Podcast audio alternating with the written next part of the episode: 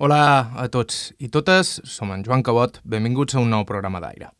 El protagonista del programa d'avui és el responsable, va ser el responsable de l'educació cinematogràfica de bona part de diverses generacions.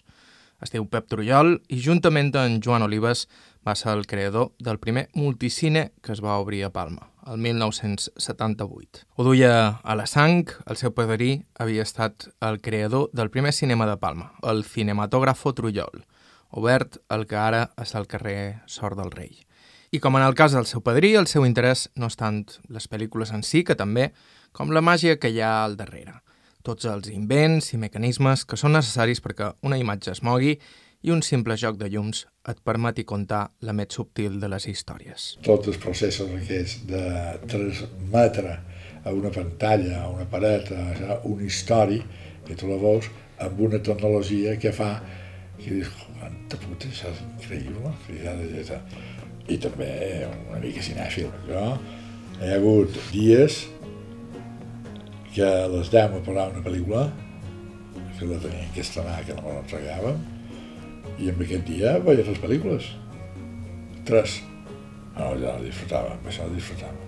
Eh, me record la pel·lícula aquella de, que va ser un èxit de Monty Python, la vida de Brian, que la va veure allà tot sol. Jo com pixava de riure, de la sala 4.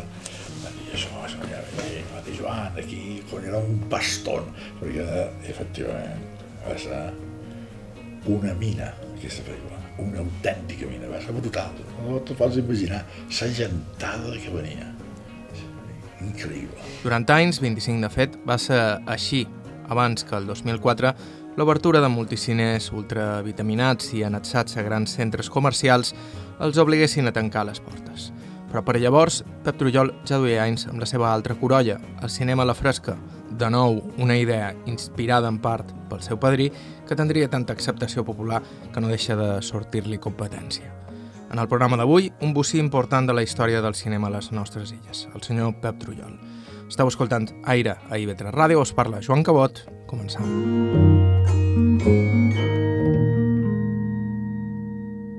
Ho feim a Son Sardina, on ara ja fa anys que viu Pep Trullol, que no es va criar aquí, sinó en el cor de la ciutat de Mallorca. Ell mateix es presenta. Pep Trullol Tomàs. Va néixer en 1943 en el carrer de Sant Llorenç, número 7. Palma. Son pare era... Funcionari, en principi. Abans va començar de jove i era, volia fer carrera en pintura. Va ser molt amic d'en Cerdà i d'en Nadal, que eren els tres que anàvem per allà i anàvem per tot i se coneixien com els pintors i tenien el nom que es deien els boires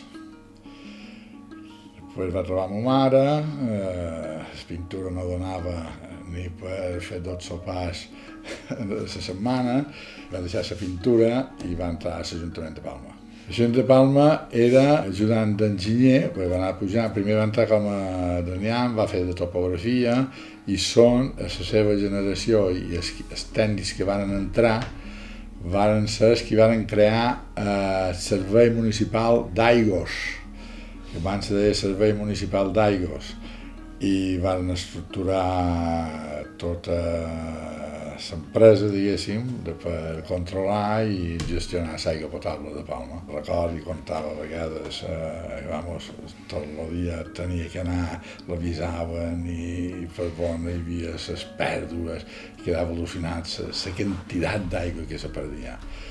I van muntar la primera oficina en el eh, no me'n recordo, però tu saps on hi havia el Cine Rialto, i el carrer que va d'ara de Jaume III en el carrer Sant Feliu. Tota aquesta finca hi van muntar, va estar molt el Servei Municipal d'Aigos de Palma. Ma mare, la casa i els fills. Jo el major i després, el cap de 13 o 14 mesos. 14 mesos, eh, la Catalina meva germana. La meva família, mon pare loco enamoradíssim de ma mare, ma mare controlant el tema, eh, família catòlica, mos feien a jonear, me'n record, això, a la sala el mes de Maria, fèiem el mes de Maria, i tot això, una, una, eh, la típica família de postguerra.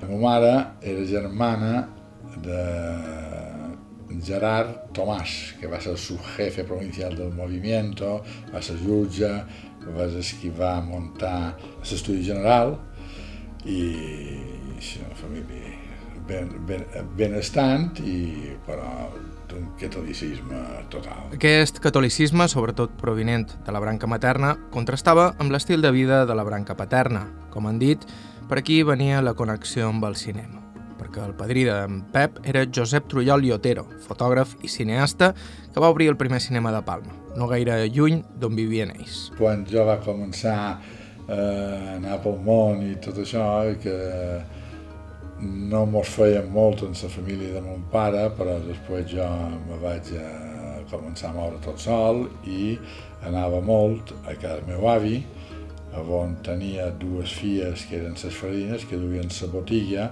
de lo que va ser el primer cine de Palma. En el carrer Sot del Rei, allà hi havia el Líric, hi havia la l'Alhambra, hi havia un garatge i hi havia Josep Truial, una botiga de fotografia, on va ser el primer cine que se va fer a Mallorca, a Palma. Aquell temps ja al·lucinava, perquè jo després, com tu saps, he seguit part de la tradició cinera, tenien que comprar les pel·lícules, no és com el meu temps que ens enviaven, ens llogaven i anàvem, el, el negoci de l'exhibició era conjuntament amb el negoci del productor i anàvem a tant per cent. Ell no, ell tenia que comprar la pel·lícula, li duien de Barcelona directament de París, feia la pel·lícula i se la quedava. I va durar aquests cinc anys perquè eh, l'Iri, quan va veure que la cosa funcionava, hi havia coes els divendres, els dissabtes, i ui, això pot ser interessant. Va dir, en Trujol, que només tema perquè són d'haver 120 butaques, nosaltres que en tenim quasi, n'hi caben quasi 2.000, aquí farem.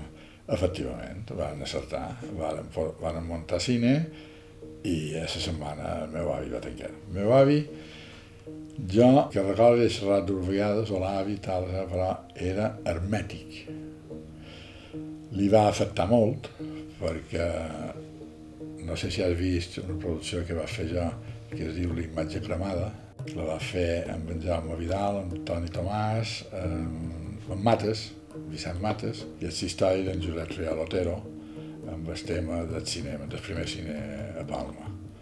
I quan li va obrir el cine, la setmana va tancar, i de tant en quant va començar a cada matí abans de berenar eh, agafant parell de llaunes de pel·lícules els reien al jardí, els tirava com si fos eh, una metxa, els encenia i els, els hi pegava foc. Perquè deia que eren unes bombes i allà hi havia els fills, hi havia la dona i tot això. Per tant, era un perill mantenir el magatzem eh, una quantitat de pel·lícules inflamables, que és quan tenir pólvora, i va, i va cremar tot. Se varen poder guardar un parell de trossos de pel·lícules seves i això ha estat, eh, va ser la de fer la documental de Montell, la imatge cremada. A mi m'imposava, a mi era personatge, només veure-lo eh, prim, un, un, mig calvo amb un bigots i una barbeta i sentir no sentir-lo mai xerrar, només cridar a les filles que li duguessin el material, i fessin el cafè llet o i jo sempre eh, com a mig amagat, escoltant tot el que feia. Va, no va tenir pràcticament relació. Jo. Tampoc hi va tenir gaire relació son pare, a qui varen criar les seves germanes. Una d'elles, na Bàrbara, era, pel que conta en Pep, tot un personatge i un esperit avançat al seu temps. Mon pare, jo, no sé, però aquestes, aquestes famílies, mon pare va estar educat per les germanes, perquè sa mare va morir quan ell, meu pare tenia 6 anys, quan va morir molt jove, i, i, i les dues germanes seves, la major i la segona, el van, el van educar i el van Era, era, un, sí, era un tipus, mon pare era una bellíssima persona. Aquestes dues germanes, sobretot, en uh, Bàrbara, que li deien sa tia Bab, era molt uh, inquieta, molt uh, s'interessava per tot el que passava pel món, va arribar a ser, segons diuen, uh, i, i, i jo no ho he confirmat, va ser eh, durant la guerra mundial va ser sí, espia. No, exactament es passava informació en els, en els inglesos. En els inglesos perquè el meu predí, eh, que era un gran fotògraf, com tu saps, va rebre del National Geographic Society una subscripció fins que se morís ell per el reportatge que va fer de Balearic Islands, ell dedicat a Mallorca, de tot Mallorca, que en blanc i negre, que devia entusiasmar, eh, i la sortida nacional. I llavors jo, una cosa que també quedava meravellat era que anava a cada mes, més un manco quan sabia que arribava el National Geographic, per passar-me tota aquesta revista que veia coses que, vamos, que ni sabia que existissin. Molt interessant. I la tia, Bab, que va ser una de les filles, que, que, que va, també el va cuidar, la que va heredar bé, una part de la botilla i vivia de, de la botilla. Va muntar amb els seus amics cada 15 dies a Sort del Rei, allà on hi havia el cine i la botilla, feien audicions musicals de clàssica. I quan venia Marc Porcel solia tocar eh, un poc el piano i feia aquestes trobades. I jo, de tant en quant, me deixava anar i perquè m'agradava molt la música també i estava allà, allà eh, saludat amb tota aquesta gent eh, fantàstica i sobretot també perquè fotia unes croquetes de ceba de, de, de caldeu. I jo, al principi, anava per, per sopar de croquetes, però després ja vaig, ja vaig entrar en música i tot estens música clàssica perquè el germà de ma mare, per un altre costat, dir, per les dues famílies estava rodejat de gent de, molt culta amb el tema de la música, mossèn Joan Maria Tomàs, que va crear la capella clàssica, que va estar a Nord-Amèrica, i va estar per molts llocs d'Europa, en la capella clàssica de Mallorca i la tia Bab amb els seus amics pianistes. I també molt amic de part de la colònia estrangera que vivia a Mallorca, bàsicament inglesos, en Galbraith, me'n record, i, i en fi, eh, feien trobades i, i, i d'aquells que nadaven eh, de, nus a les roques d'en Fideu, de, en fi, era gent molt avançada. I jo comparava sempre el que veia a meva, a ma mare, això, i així hem anat sortint. La família de mon pare tirava pel seu vent i la família de ma mare a missa i a la processó de Santa Creu, de la Mare de Déu dels Socors, donada per no sé qui, de la família, a l'església, etc etc. I nosaltres no ens quedàvem més remei que això. Posta quasi tots, eh, meus cosins, que són 11, i la meva germana i jo han sortit eh, tot el contrari, que eren eh, la banda de, de ma mare, la banda de Tomàs. Què t'ha dit ta mare de, de, de, quan començaves a anar a veure les germanes de ton pare, etc etc. També res? O... No, amb això sempre m'ha deixat. Ni me va fer cap al·lusió, no me va dir mai, me va xerrar malament de la tia Bab, perquè, vamos, Bab en aquell temps jo, a posteriori, a, mesura que m'he fet eh, eh, gran he analitzat, era una espècie de miracle que aquella dona, que era una gran avançada en tot el tema cultural i de vestir, de pensament, i de, eh, la respectaven, és a dir, jo crec que li tenien com a por i tot, és a dir, la respectaven i cadascú en el seu terreny i, i, i no ficar-se uns en els altres. El tema de, de la botilla, la fama que tenia, es parlia de Can Troiol, el tema de la música, i curiosament, curiosament, les inquietuds de la tia Bab en el tema de la música i d'això va formar part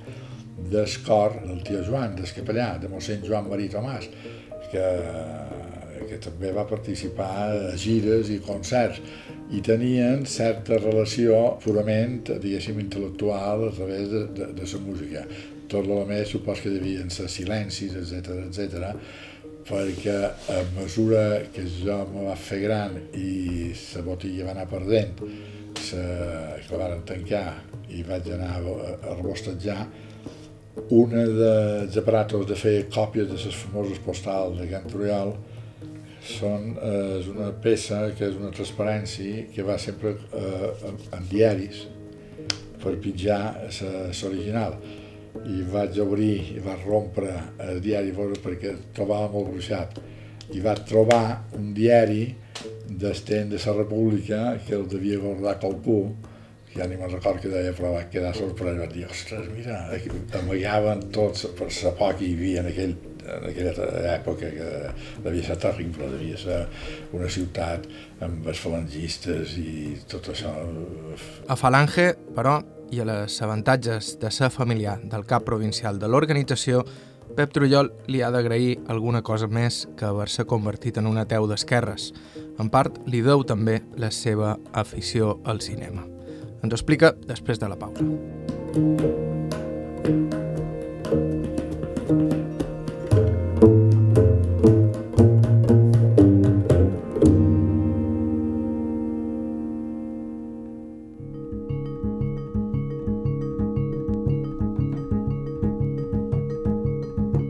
Hola de nou, som en Joan Cabot, estàu escoltant Aire a IB3 Ràdio, avui amb Pep Trullol, impulsor, juntament amb Joan Olives, dels primers multicines de Mallorca, els cines Chaplin.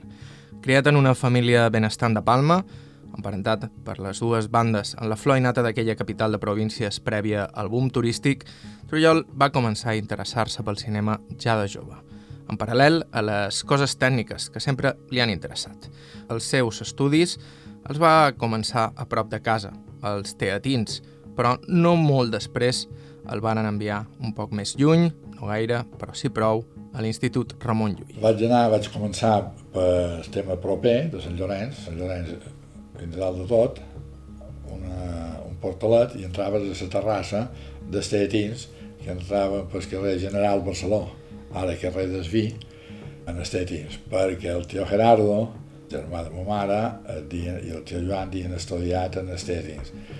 I, menys mal, que en, en, en quin any era? Fer tercer, me, van treure i me van dur a l'Institut Ramon Llull. Normal. Va ser un canvi, ja van dir, va tornar de Déu, segat.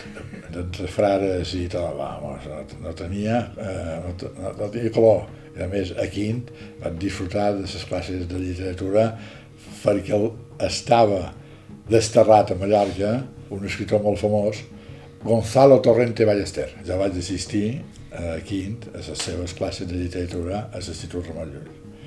Gràcies, a, el van desterrar. I, però, per, per un, clar, per ell devia estar emprenyat i me'n recordo, i estava duent unes ulleres sempre de sol, era molt miope. I sart que tenia per liar cigarrets a la classe. Se riava cigarrets, tothom allà mirant.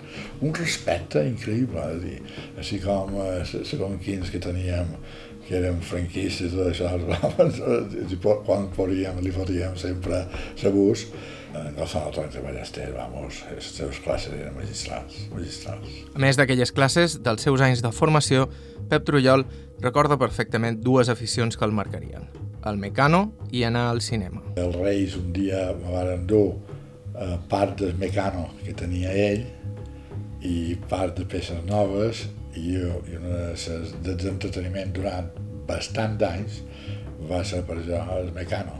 Eh, construir coses, copiar, i, per, i me'n record eh, l'any que va poder aconseguir el llibre de, del Mecano eh, per les noves eh, figures que se feien i se formaven, que me va dur un pare va tenir una alegria increïble, perquè ja la imaginació també es, eh, tenia un límit. No, no, molt bé, molt bé. Amb aquest tema eh, era fent eh, un lot feliç, que sortia, jugava, tal, pilota. Eh, mon pare va organitzar amb els cosins un eh, equip de futbol eh, que era que Santa Creu ens va comprar les camisetes, que li dèiem el Rayo, i durant anàvem a jugar a un, en el terreny de lo que era la Riera, a dalt de tot, aquí hi havia Jaume III, i tot el que són les avingudes que venen de, de, de l'Institut Ramon Llull, tot allà eren solars. I allà vam organitzar el nostre camp de futbol i ens passaven dos, dos o tres pits al dia, anar a jugar a futbol i entrenar-nos. Aquesta era una vida normal i corrent, sense cap eh, trasbalsada, perquè a casa teva havia la pau, resaves i tal. Això fins a 12 anys i tal, després la cosa ja va anar, ja va anar canviant. Com va anar canviant? Va anar canviant, pues, en què escoltàvem la ràdio, escoltàvem en Diego Valor, en què estava tota aquesta gent que feia aventures i que a partir d'aquí començar a investigar i veure com anava i, i, i fer les que podíem. Sempre ens reuníem, érem quatre amics de l'institut i, i anàvem molt al cine, molt, allà al cine Bor, perquè tenia un gran avantatge que el jefe provincial del movimiento tenia passe, passe per anar al cine per dues persones. Què fèiem? Un sorteig, eh, divendres, fan aquest, acaben d'estrenar la pel·lícula, vam, demana a ton pare a veure si poden tenir el eh, passe, sí, poden tenir el passe. I ja, teníem a sols, els dos que anàvem primers. Feien tota la sessió, perquè era pel·lícula, eh, programa doble, nosaltres, sala de que va, els altres que quedaven, ens anàvem a la sortida del Born, sortien ells, ens passaven el passe i tornàvem a entrar en les altres. Fantàstic, I això de, me'n record del cinema, vàrem veure de pel·lícules gràcies en el passe, perquè si haguessin hagut de pagar, ni loco, haguessin, que nosaltres haguessin donat duros per anar més que un picador en somers en el cine.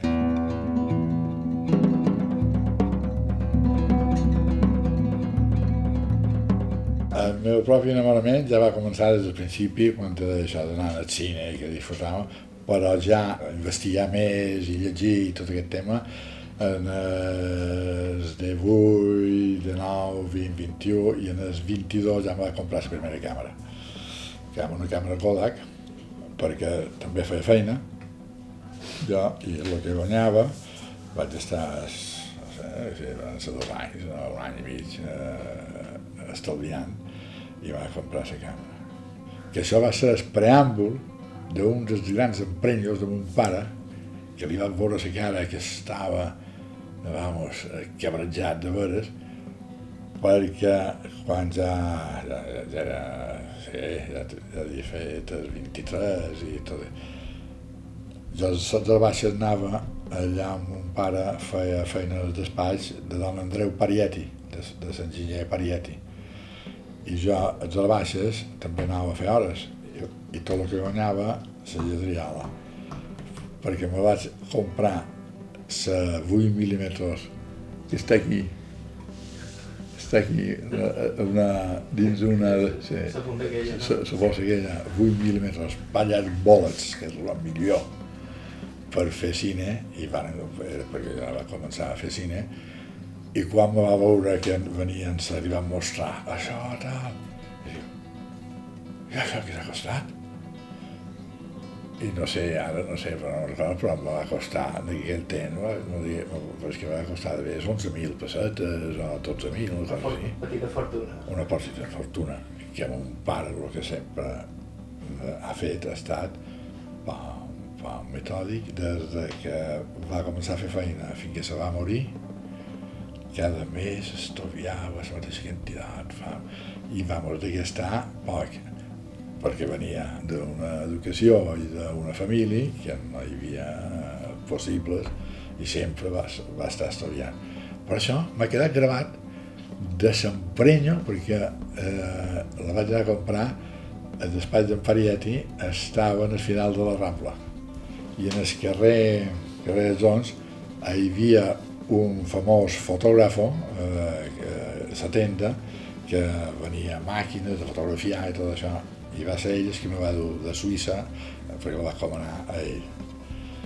Quan li van dir espereu tio va ser un escàndol. Però un escàndol diu hòstia aquest tio i després que vaig anar a pensar, són els meus bombers, jo he fet el que he estudiat, me'n he pogut fer com els altres que a vegades se n'anaven i després que jo allò de, del dissabte anar a fer vermut en els bars tortugues, no, pues no ho feia. Eh, aquesta, però és una cosa que m'ha quedat, és un trauma que tinc encara no superat. Quant al cinema que veien en aquella època, res fora de lloc comú. No seria fins més endavant que Pep Trujol i els seus amics començarien a aproximar-se al Partit Comunista i a l'activisme polític i cultural. També a promoure projeccions privades de pel·lícules prohibides pel règim.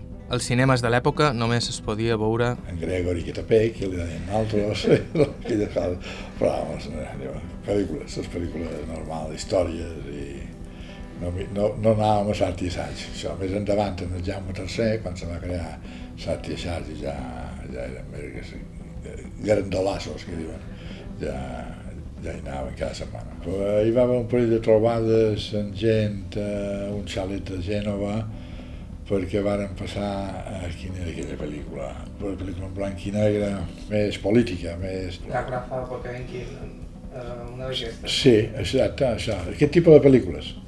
Va haver dos anys que ens dedicàvem a fer aquest tipus de pel·lícules a eh, distintes cases i tot això per veure tota l'evolució i com anava i sobretot les inquietuds que teníem polítiques, perquè clar, eh, ja la nostra tendència era eh, contra antifranquistes totals. Ja, ja, ja ho teníeu clar. Sí, ja ho començàvem a tenir clar, sí, sí, que no podíem fer res. I sobretot, quan ja més endavant varen fer quatre vots a França, a cine, i vaig i això és un altre món. I què és això? Venien cremats, cremats, increïble, increïble. No, no, sobretot per l'estafa que mos han fet, en fi, que no podien fer res, i fins i tot relacions sexuals i tot això, jo te va tenir tardíssim, tardíssim, és a dir, és una estafa completa a l'edat en què és més necessari tenir certa llibertat a controlar per anar descobrint i aplicar-te tu i saber com va el món. Vamos, hombre. Lo del, franqui, lo de franquisme no té, no té, no té perdó. Vam anar a Perpinyà, pues devia ser el 70, 75 o 73, sí, coses d'aquestes. Eh, no t'ho pot imaginar, al·lucinant, però al·lucinant. És dir, veure el que trobaves i cercaves, anaves a una llibreria, trobaves des de llibre que havia cercat fa 20 anys i tal, trobaves tot, és dir, bueno, aquí tornaves cremat, amb una mala llet increïble, una mala llet increïble, dedicaves a fer pintades per Palma i tot això, quan va passar la de Granada, vàrem omplir Palma al vespre de pintades, assassins i tot això, tot. Bé, en fi, què has de fer? Bé, normal, que ara que me'l va agafar per aquesta, perquè si me'l agafa per l'herència de su jefe provincial del moviment, no estaríem parlant d'aquí encara. I si estan parlant, de fet, és perquè la corolla del cinema el va acompanyar durant tots aquests anys i no la va abandonar mai, fins que, juntament amb Joan Olives, va crear el cinema Chaplin. M'agradava tant el cine i també la qüestió tècnica, perquè no tan sols els continguts, sinó la qüestió tècnica de veure les càmeres com se feia, i com se feia una transparència, eh, investigant amb, amb, amb aquests temes me va interessar en fer les pel·lícules i dedicar-me en, en això. I després, eh, menys mal que vaig tenir l'oportunitat i navegant per munt i per avall de poder fer Chaplins. I això va ser la meva, la meva gran felicitat i el meu gran, diguéssim, el que he disfrutat de la meva vida muntar Chaplin, moltes dificultats, molts problemes, els primers anys van ser terrorífics, però després va anar molt bé, molt bé, molt bé. Molt bé. En uns segons, la història del primer multicine de Palma. Estau escoltant Aire a IB3 Ràdio, fem una breu pausa i continuem.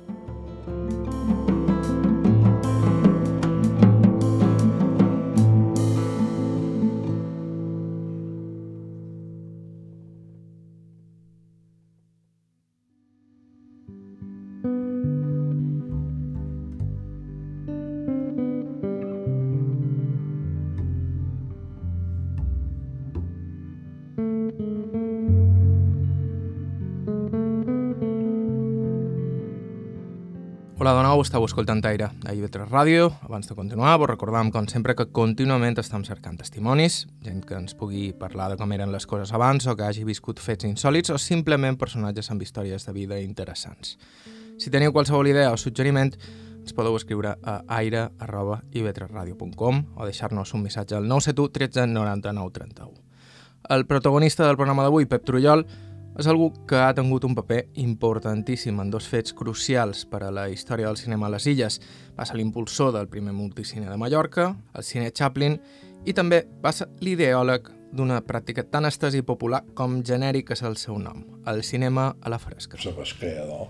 El cinema a la fresca. El que feia el meu avi, que tothom quedava esborronat quan anava solla i al cine, això se me va ocórrer perquè, curiosament, se va ocórrer perquè teníem un pallet bolets projector de 16 mil·límetres en el Chaplin, nou que no s'hi empleat mai.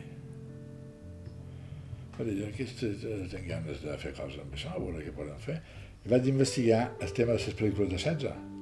Collons, tu? Entre les ambaixades eh, franceses i, i ingleses, que, eh, pel·lícules educatives, i després vam veure que hi havia pel·lícules que moltes pel·lícules algunes pel·lícules de 35 mil·límetres feien la versió en 16 mil·límetres. Dir això pot ser interessant. I res, i va dir los, com los verbenes, un dia parlant amb en Patsero de la Pobla va dir allà que dius, hòstia, aquí, aquí en l'estiu, en aquesta plaça teva, podríem fer cine, va dir, com cine? Sí, ja vendria aquí i va, va tornar Déu. I tant, ho va, ho va acceptar i jo mateix anava a fer cine. A la plaça allà en 16 minuts, una gentada, tio. El vespre de l'estiu a la Pobla, la Pobla és pionera amb el cinema a la fresca. I vaig anar perfeccionant. Va dir, va tornar Déu. I això fa massa, va parlar amb meu amic de Barcelona.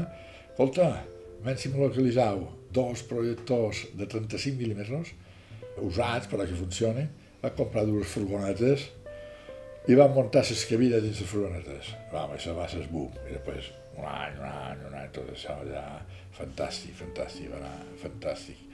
I ja m'ho passava molt bé, disfrutava d'anar a segon.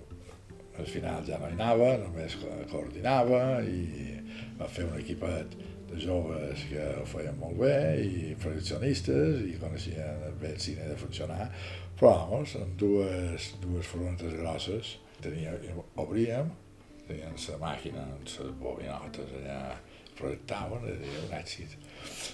I després, clar, eh, va anar evolucionant, molt surt el vídeo i van tenir, començar la gent per les barriades a fer, a fer cine a la fresca i això que va com la processó de la mojeta.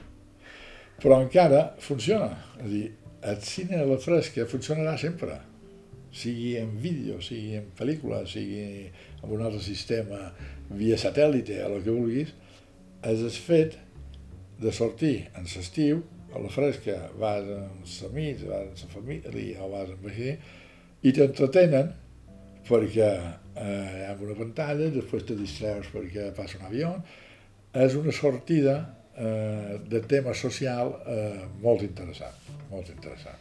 Quan es va posar amb el cinema a la fresca, Pep Trullol ja tenia una sala, una sala que va formar part de l'essència de l'ecosistema cultural de la ciutat de Palma durant gairebé 25 anys. El cine Chaplin, al barri de Pere Grau, els primers multicines de Palma i de Mallorca. El cine Chaplin va néixer amb un contacte en Barcelona, que ens van dir que ells, que contactes Barcelona, estaven molt interessats també en muntar cines eh, eh, multisades, perquè era gent que viatjava molt i havien vist els famosos multicines a França i tot aquest tema, i a veure si a Mallorca mos interessaria a una certa gent eh, també muntar un multicines. Van tenir una sèrie de reunions en Barcelona i tal, i fins que varen vam arribar a uns acords i van començar, ja va començar a cercar terrenos, terrenos en el sentit de locals molt grossos, va trobar un locals davant dels molins, va tenir unes dificultats, un carreró que hi havia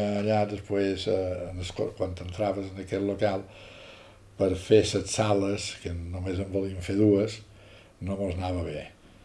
I després un, eh, en Joan, que era Joan Olives, és qui va conèixer un constructor i mos va, i mos va dur a mostrar eh, solars que tenia ell allà on va, van muntar Chaplins, que era propietat d'aquest constructor. Vàrem emplear el que era perquè aquest constructor tenia, eh, aquest edifici que el va fer ell, tenia a eh, la planta baixa el, el taller de ferralla, perquè ell era, feia la ferralla per fer les construccions de, de ciment de les edificacions, totes aquelles bigues de ferro i tot això, feia allà, i era molt gran, i en l'alçada suficient per fer el cine, perquè clar, el problema era trobar un local en l'alçada suficient per poder fer les cabines i poder projectar i que la cosa funcionés. I efectivament va així, i vam començar amb això, la inauguració, entre les sales, i després ja me vaig enterar de que en el costat, en el carrer de Sample, hi havia un solar també que construïen, estaven construint un edifici i que la planta baixa estava barat i la van comprar perquè la part de Chaplin del constructor no la va voler vendre i la tenia llogada i eh, nosaltres vam comprar, en Joan i jo vam comprar el solar per fer la sala 4 i la sala 5.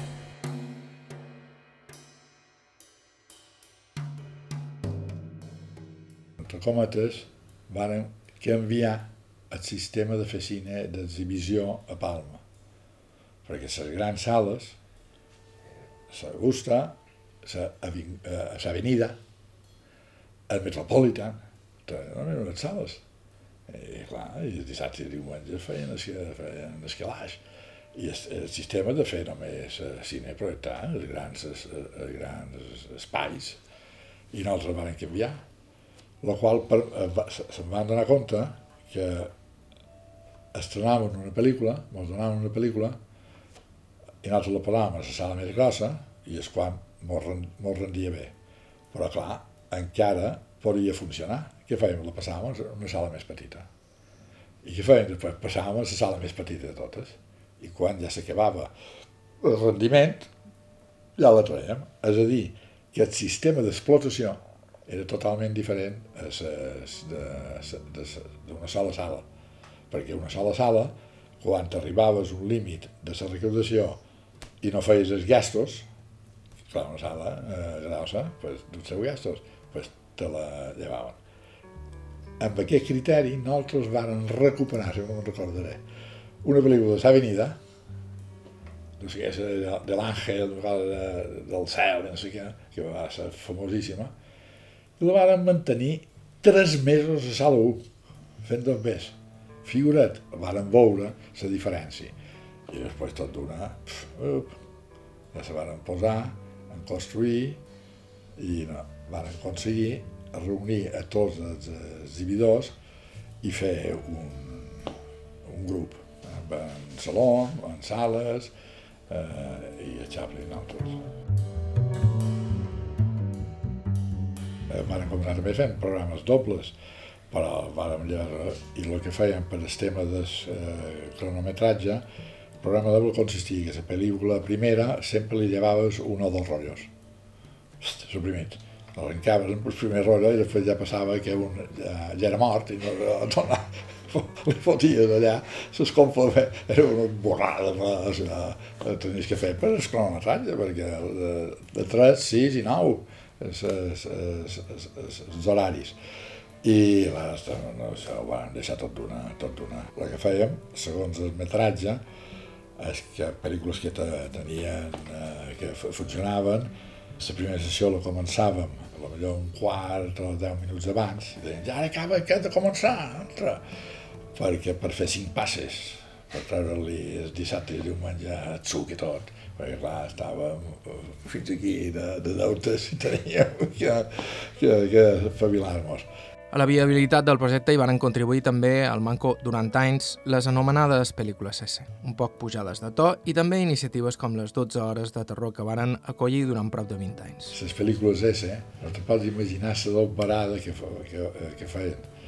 És a dir, les pel·lícules de, de to elevat, i la gent anava com a loca, com a loca de veure aquestes pel·lícules. Ja no me'n recordo, però hi ha hagut pel·lícules que han fet fortunes, van fer fortunes les películas ese. Esa era película clasificada a Madrid perquè puede herir la sensibilitat del, de l'espectador. Eh, estaven, en el principi estaven bastant vigilats per el tema de, de joves, que segons quina edat, si te trobaven dins la sala qualcú jove te muntaven, nosaltres no ens va mai eh, fer, va, no va passar mai aquest cas, però doncs, molt bé, molt bé, se'l van fer d'esses, i tant que en van fer d'esses, la transició, va, i van durar molt poc perquè ja va ser la transició i ja, ja hi havia tot, eh, el porno, i després va passar, ja hi, havia, ja hi havia televisió, hi havia dues televisions, que a la una de la nit ja te feia mig porno i tot això va, de, se van desaparèixer totalment. Feien presentacions,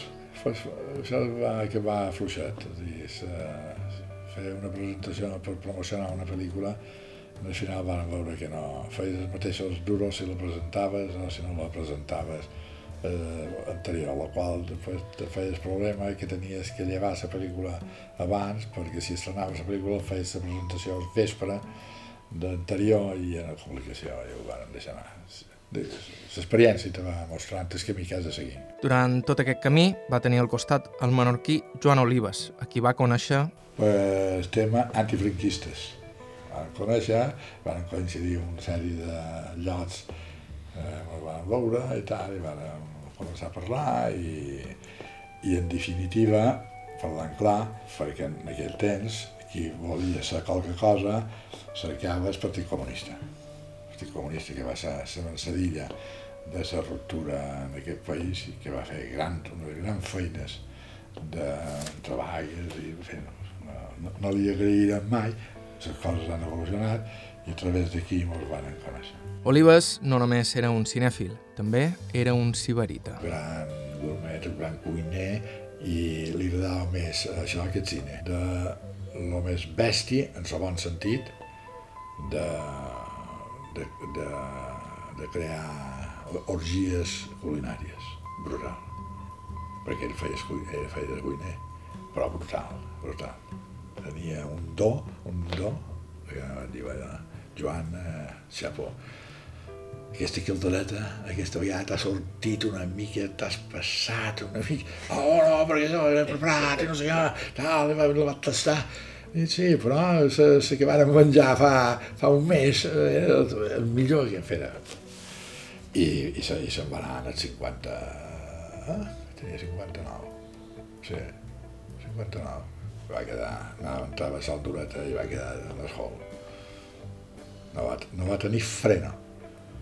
No va tenir freno. Quan va començar a guanyar el Besell i jo i tot això, el que sé que estava, les fortunes que sé que estava en vins, eh, en alcohol, menjar, tal, tenia uns frigiders que a vegada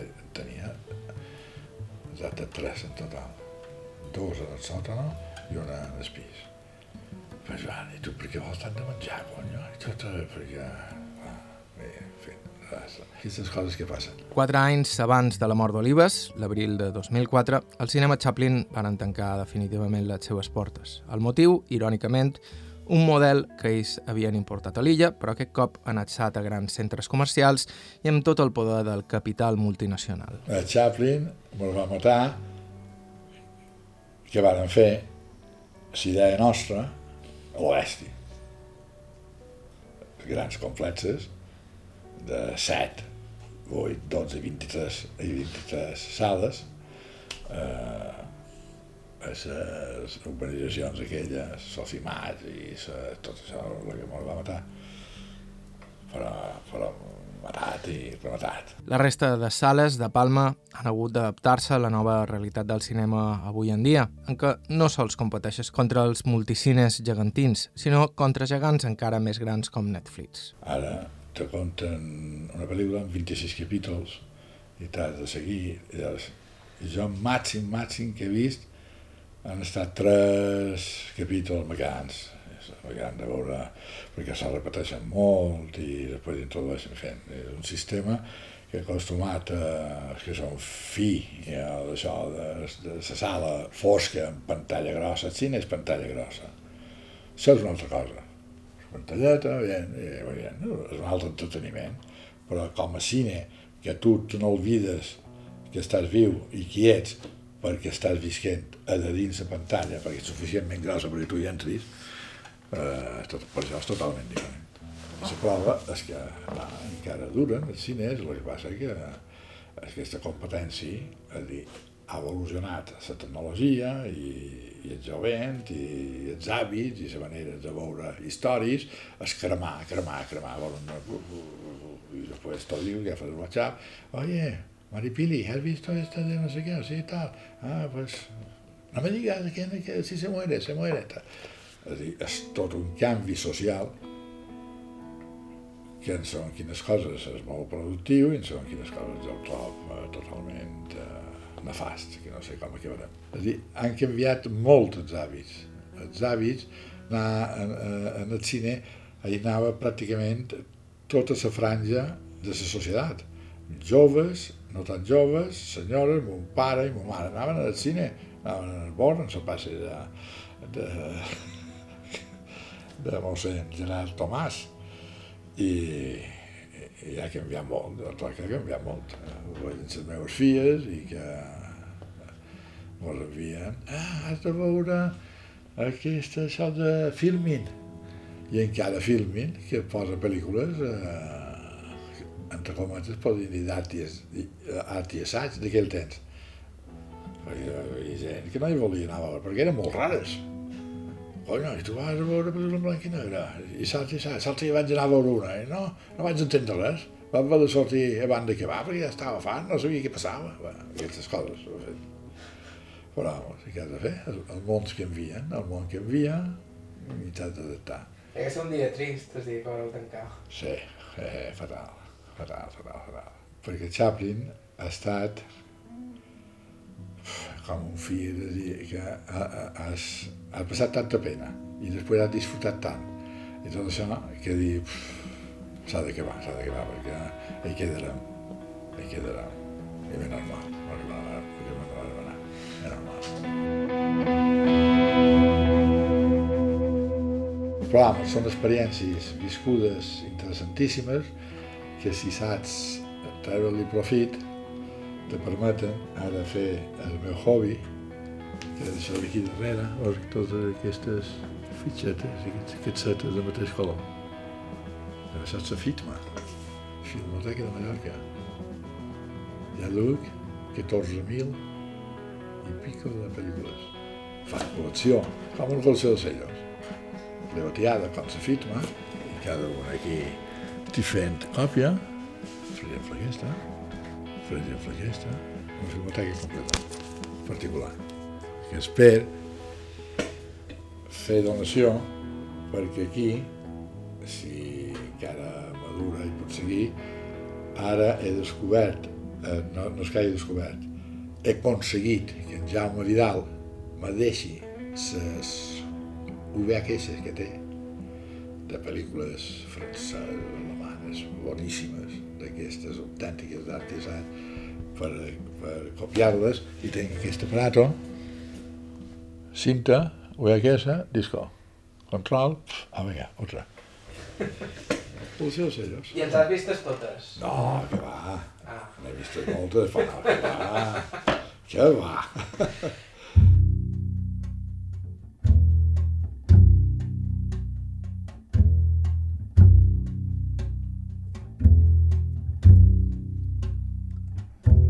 Fins aquí el programa d'avui. Moltíssimes gràcies a Pep Trullol pel seu temps i amabilitat i moltíssimes gràcies a Paco Mulet, que va ser Sospitam qui ens va donar l'idea d'entrevistar-lo.